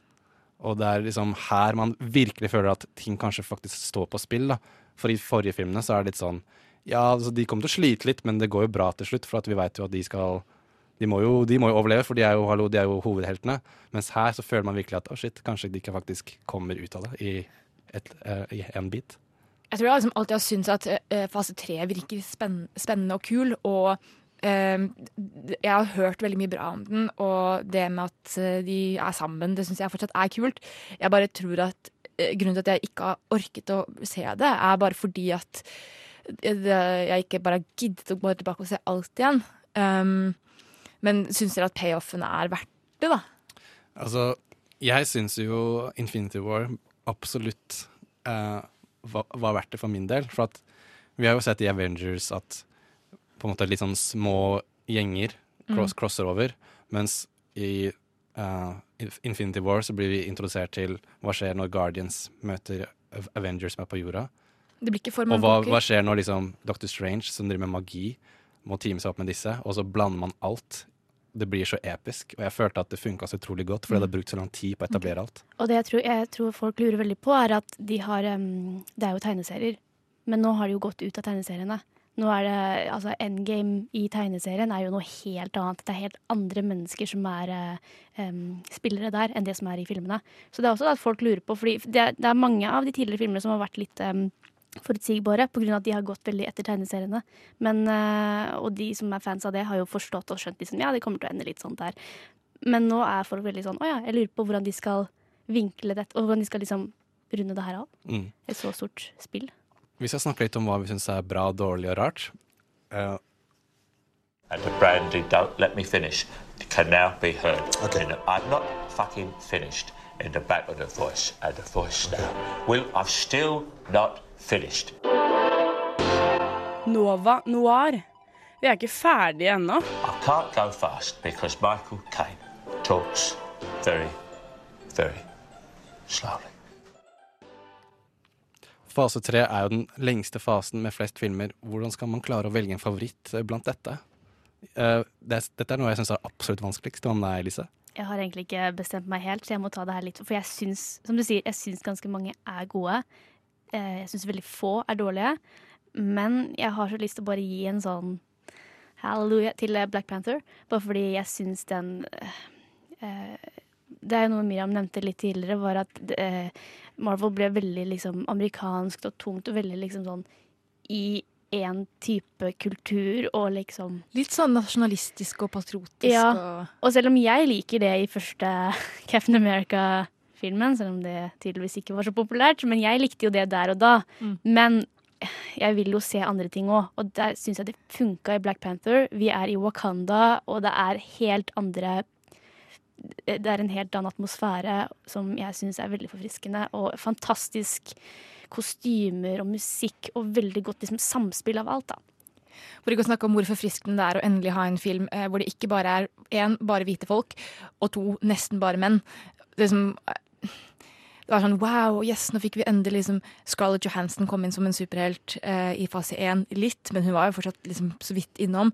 Eh, og Captain Marvel, da, som er den siste som kom ut nå, som fortsatt går på kino. Og utenom de så har vi på en måte ikke hatt noen sånne superhelter som har vært kvinner. Så de har liksom vært sidekarakterer. Ja. Men det jeg liker med fase tre, er at de har fått mer og mer plass til Mm. å Og det er ikke bare sånn ja, de er med for at vi trenger litt sånn diversity. De er faktisk veldig sentrale. Sånn som eh, søsteren til Black Panther, eh, som, eh, hvor det står at hennes superpower er jo det å være the smartest person in the world. Og det er så kult. Og det blir bare sånn frisk pust inn i noe som jeg føler at de har liksom eh, kanskje eh, spint seg litt inn i en sånn komfortabel tone, og så nå eh, prøver de på noe nytt og ja. For ikke å snakke om at ja, som sagt, det er vel, jeg syns det er så forfriskende at det ikke bare er hvite mennesker, og at eh, de som er afroamerikanske i de andre filmene, er bare sånne biroller som er sånn eh, skikkelig sånn disposable. og- Bodyguard eller et eller annet. Ja, eller eh, sånn som han i den første Iron Man, han som eh, driver marinen der, som bare er sånn «Hey, Tony. Og så er han bare sånn sykt sånn derre Bare sånn Deres alle, liksom sånn afroamerikanske alibi, da. Ja. Og så er det sånn at uh, lillesøsteren eh, til uh, Black Panther, Shuri, hun, er, hun setter jo spørsmål ved teknologien til Tony Stark, som er på en måte litt grunnleggende. Og det at hun liksom kommer inn og er litt tøff og er litt sånn, vet du hva, jeg kan det her. Og hun har jo en ek ekstremt essensiell rolle til hvordan alt utspiller seg. Og uh, man blir litt stolt og blir litt sånn Fy søren, nå skal jeg nå skal jeg også prøve å get educated og Mm. Blir litt sterk. Og det er sånn det er inspirerende. på en måte. Min favoritt i denne fasen er jo Infinity War. Enn så lenge. Men det er fordi at jeg følte at her så har de tatt alt som er alt, er med. De, de, man tenker sånn, hvordan skal de klare å ha sånn bokstavelig talt 40 superhelter i en film? Men de klarte det. Og denne, for min del så leverte den på alle plan, og den satte opp eh, liksom, Det føltes som en sånn del én av en sånn større saga. Og når jeg har liksom lest om det på forhånd, så er liksom alle filmene fra med Iron Man i 2008 fram til nå, er jo Infinity War-saga. Så på samme måte som man har liksom tenkt at Star Wars fra og med 70-tallet fram til den siste filmen som kommer nå, på en måte er Luke Skywalker-sagaen, så er dette her Infinity War-sagaen. Og jeg følte at det liksom ledet til dette her, og den leverte på alle plan for min del. Men The Bad. Ja, men OK. Mm. Ja, The Bad, Miriam. Du har jo ikke sett det, men hva er det som du på ut, på, sånn fra utsiden din tenker sånn Dette er ikke bra. Um, uh, sorry, nå var jeg sånn på the good. Men uh, jeg syns kanskje det virker som om det er um, Jeg kan si min. hmm. Ja, kanskje du kan gå først, for jeg, jeg vet ikke. Sorry å skuffe deg, Elise, men jeg syns Guardians 2 er den svakeste i fase 3. Det går fint. Jeg syns ikke den er den sterkeste, men jeg syns den er veldig fin, så jeg er litt mildt skuffet, kan jeg si. Jeg tror litt av min skuffelse med den er at jeg likte Guardian så godt, den første. At den her på en måte Jeg følte at den var veldig fanservice. At den prøvde bare å spille på alt som de fun følte funka i første filmen. Og så hadde den liksom ikke noe sånn eget og kult, da, for min del. Sånn som Baby Groot. Ja, men det var sånn her, man venta så lenge på at å, Baby Groot, Baby Groot, og så var det så sykt mye sånn Det bare starter med Baby Groot som danser til Michael Jackson eller et eller annet, jeg husker ikke. Mm. Så var det sånn her, oh my god, de melker den Groot-kua her til døden, ass. Den kua er søt. Den, jeg syns det er verdt å melke. jeg. Den har masse melk. Hva? Nei. Ok, hva er din, Stopp Min meg selv. er oh, Nå skal jeg ta, ta en sånn som du tok i stad. Jeg syns Doctor Strange er dårlig, men jeg har ikke sett den. Ja. Bare fordi Du har ikke sett den, nei? Men det er, den er så Nei, dårlig at jeg ikke ville se den, og jeg var allerede 15 filmer inn. Så det sier litt. At jeg bare sånn, vet du hva, den kan jeg skippe, for nå begynner jeg for dårlig tid, for nå skal jeg se på den igjen. Så. Ja. Jeg kan, Sorry. Miriam, har du en Nei, men jeg syns også Doctor Strange er den som kanskje hvis, eh, Ja. eh, er det ikke sånn at liksom Tilda jeg Ikke for å være liksom sånn social justice-person, eller jo, greit, jeg kan godt være det. Er det ikke sånn at Tilda Swinton liksom skal spille asiatisk, og det er liksom sånn whitewashing av Hollywood, og det er egentlig veldig teit. Ja, altså Den karakteren var jo opprinnelig eh, åh, Husker ikke hva han heter. Han heter liksom, eller hun heter sånn eh, åh, nå friser det helt i hodet mitt, men basically veldig sånn stereotypisk sånn eh, asiatisk ma master. Men så er litt sånn uh, Mr. Miyagi-aktig fyr, bare magiker. Mm. Men så, så har de uh, uh, Gjorde de om karakteren til en hvit kvinne. Og jeg føler liksom at ja, man kan si at det er whitewashing, men jeg syns på en måte at det opprinnelige karakteren hadde vært veldig sånn stereotypisk. Sånn, oh, det er sånn martial arts, bare at det er magi, og så er det sånn Ja, Asian okay, dude ja, og sånne sant. ting. Men eh, jeg føler at eh, det gjorde ikke noe for min del, fordi Tilda Swinton er, så- Tilda Swinton er så jævlig flink. Så, Mm. og hun ser jo veldig sånn annerledes ut, med sånn helt skalla og sånne ting. Og jeg syns det funka veldig bra. da. Og kult med at liksom læremesteren er en kvinne også. Mm. Vi må min, min, Jeg skal forsvare Dr. Strange. Det er min, det er min Strange-film. Den, så- den er så rar. På en, ep, på en episk måte. Den er uh, syretrippy, og den tar deg med i andre realities, og den introduserer deg for at uh, ting som kommer, altså magi Man har liksom ikke helt skjønt hvordan det skal funke i Marvel-universet, men her får du sånn skikkelig sånn god innføring. Og uh, Cumberbatch, han, uh, han er Cumber Bay. og han er sånn kul sånn motpart mot Tony Stark, for han er sånn på samme nivå som Tony Stark, bare i magi. Som Tony Stark er liksom innenfor teknologi, da. Jeg syns den virker i hvert fall veldig frisk visuelt, da. Og det gleder jeg meg til å se. Og også, ja, som du sier, med skuespillere, at det er eh, litt kult å se helt andre type helter. Eh, min, som jeg tror er min ugly, er eh, Thor Ragnarok. Og ikke, jeg har ikke sett den, så jeg vet ikke hvordan den utspiller seg. Men jeg syns, det er veldig morsomt at det er eh, Taika, Wati, Taika Watiki, hva er det han heter? Eh, regissøren eh, som er egentlig kjent for eh, eh, mer sånn humorfilmer. Eh, blant annet What, What We Do In The Shadows, Og? Hunt for the Og Hunt for the People. Wilder People. Og det er så mange, sånn det så mange skuespillere fra Hunt for the Wilder Er People i Thor Ragnarok, og, de, og det er den samme humoren overføres til den. Og den er, så, å, den er så utrolig fantastisk. Og jeg må sånn kjapt si at det var i virkelig Thor Ragnarok at jeg føler Thor virkelig utvikla seg, og man sånn, på mange måter hatt den kuleste den story-arken av Ja, alle karakterene. Hvis liksom Dark World var en uh, dypp, så tok den seg så sykt opp, antar jeg. Mm. Jeg hørte hypen, og jeg bare syns det virker veldig rart at han, når jeg hørte at han skulle spille, uh, regissere den, så var jeg sånn what? Men det høres så kult og rart ut, så derfor så er det min uh, ugly anførselstegn strange, liksom. Men grunnen til at vi snakker om Marvel denne uka, er for at Endgame har premiere. Og jeg har sett den, og jeg skal anmelde den. Og Du Elise, hva vil du si? Jeg har også en strange en, bare så du vet det. Oh, ja, sorry. Takk. Jeg trodde du hadde sagt det. jeg prata for mye. Nei, men uh, min er Infinity War. Og det er fordi eh, What? Det er fordi at jeg var jo i en sånn zone. Men jeg lurer på, hvis jeg kunne gått tilbake litt i tid og bare glemt alt jeg visste om Marvel, kunne jeg satt meg ned og sett på eh, Infinity War og skjønt greia. Nei, da hadde du ikke skjønt en dritt. Men da er det ikke en dårlig film da, egentlig. Burde ikke den kunne stå litt for seg selv også? Nei, for jeg- jeg føler at, Må eh, det være produkt av noe annet? Altså, ja. Jeg føler at det her er en serie, det er en filmserie, og da må du rett og slett finne deg i at uh, du, må se, du må se det opp, rett og slett. Men jeg føler at den som klarer nok å etablere ting, så er det ikke at du liksom kan få med deg sånn litt hva greia er, men du vil ikke få noe sånn Du får sånn to av ti nytelse, tror jeg, hvis du ikke har sett alt som leder opp til den.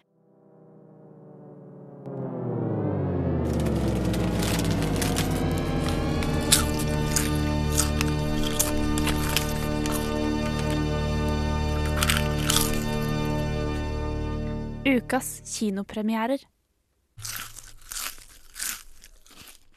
Elise, dette er en spesiell uke. Jeg er kjempesvett i trøya. Jeg, så, jeg Dette er det jeg og millionene der ute har ventet på i over ti år. Det er slutten på det vi kjenner som Infinity War-sagaen. Alt har liksom ledet opp til dette helt siden Iron Man i 2008. Og jeg har sett den. Helt siden jeg satt i Lillesund kinosal med min eh, to måneders kjæreste og så Iron Man. Ja.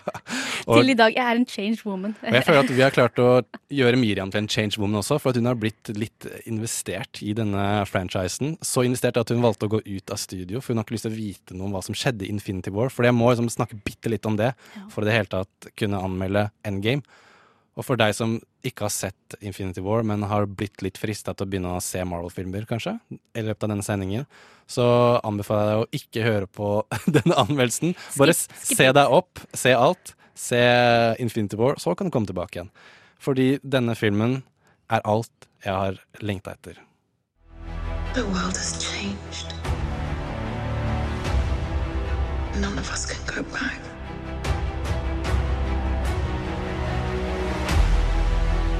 Can do is our best. And sometimes the best that we can do is to start over.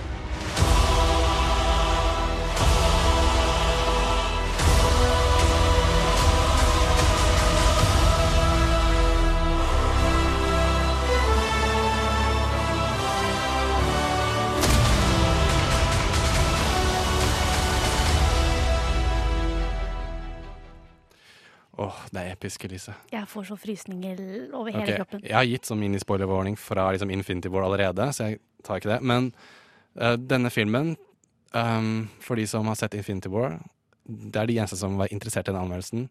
Vi, vi vet hvordan den, første, den sluttet. Thanos knipser.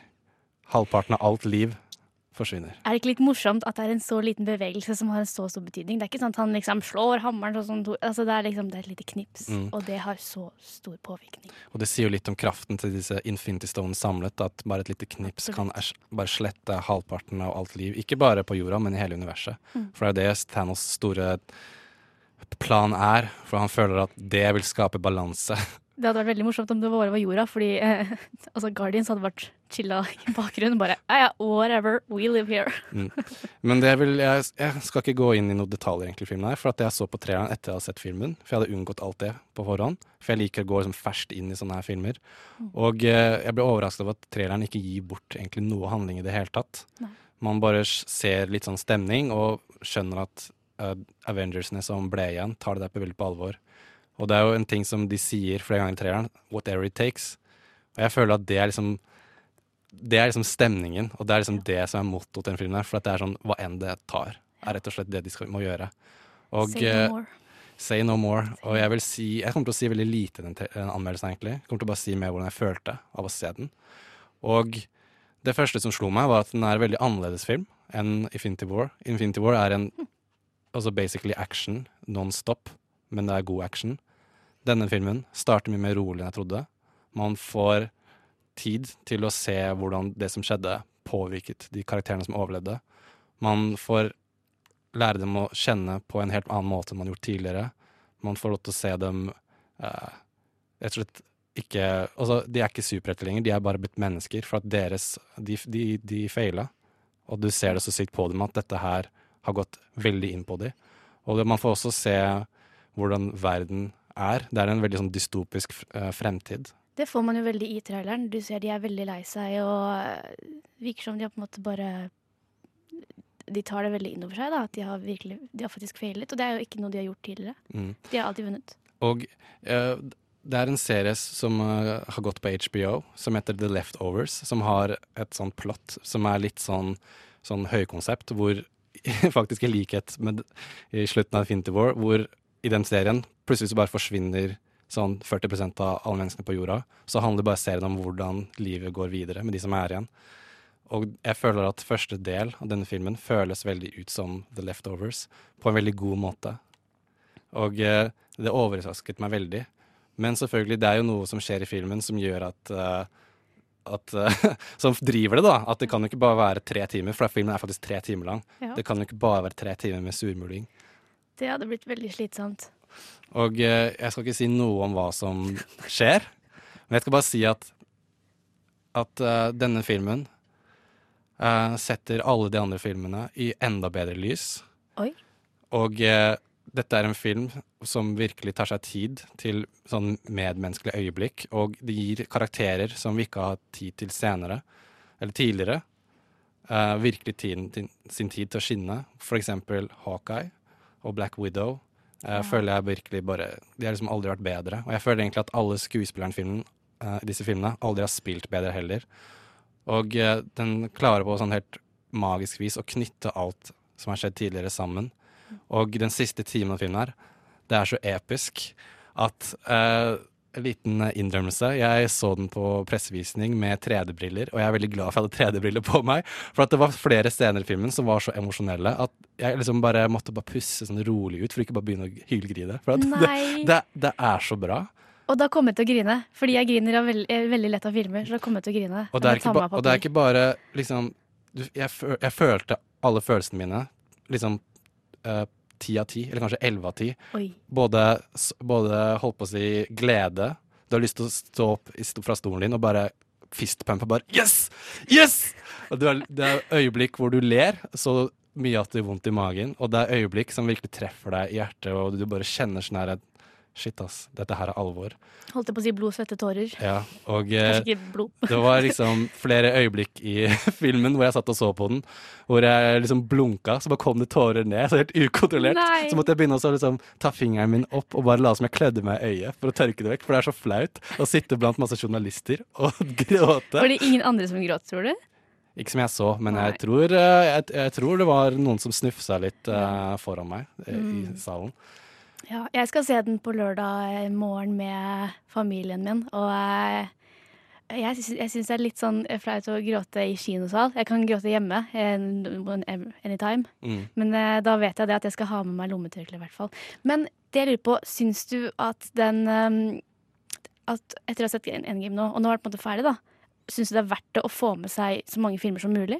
Eller Ja. vil du anbefale å bare sette liksom Avengers, eller Um, jeg, vil, jeg føler liksom at dette er um, Fordi Infinity War var nesten mer Thanos sin film enn The Avengers. For at det her, den filmen var sånn at han hadde, et, uh, han hadde liksom et mission. Han skulle samle alle stenene og gjøre det han ville. Og han, for de som har sett den, han klarte det jo. Mhm. Og, uh, Nesten litt for lett, egentlig. Ja, nesten litt for lett. Altså, de var helt sånn maktesløse. Ja. Uh, mens denne filmen her handler mye mer om liksom, de originale som, bli, som blir igjen. Og det er jo mye mer sånn de originale Avengers sin film. At de her liksom, de fikk ikke liksom, For eksempel Captain America i første filmen.